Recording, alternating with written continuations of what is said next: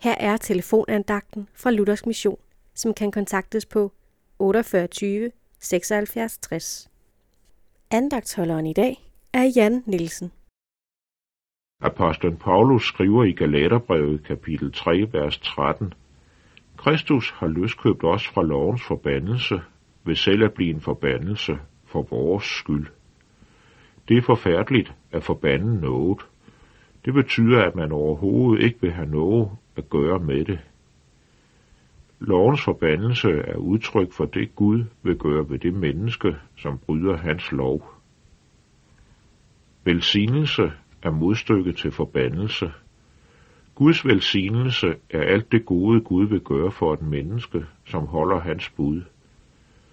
Havde der stået, at Kristus var forbandet, så var det slemt. Men der står, at han blev en forbandelse, og det er endnu værre.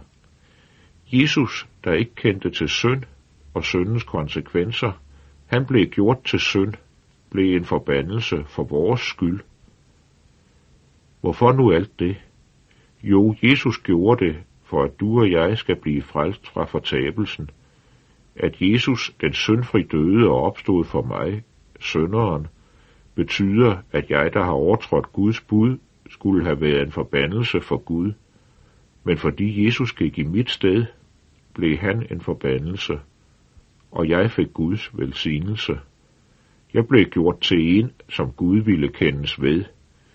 Det er i sandhed et godt budskab for en sønder. Jesus gjort til synd for min skyld. Jeg blev frelst for Jesus skyld. Det er en gave, som vi må modtage i tro og takke for. Amen.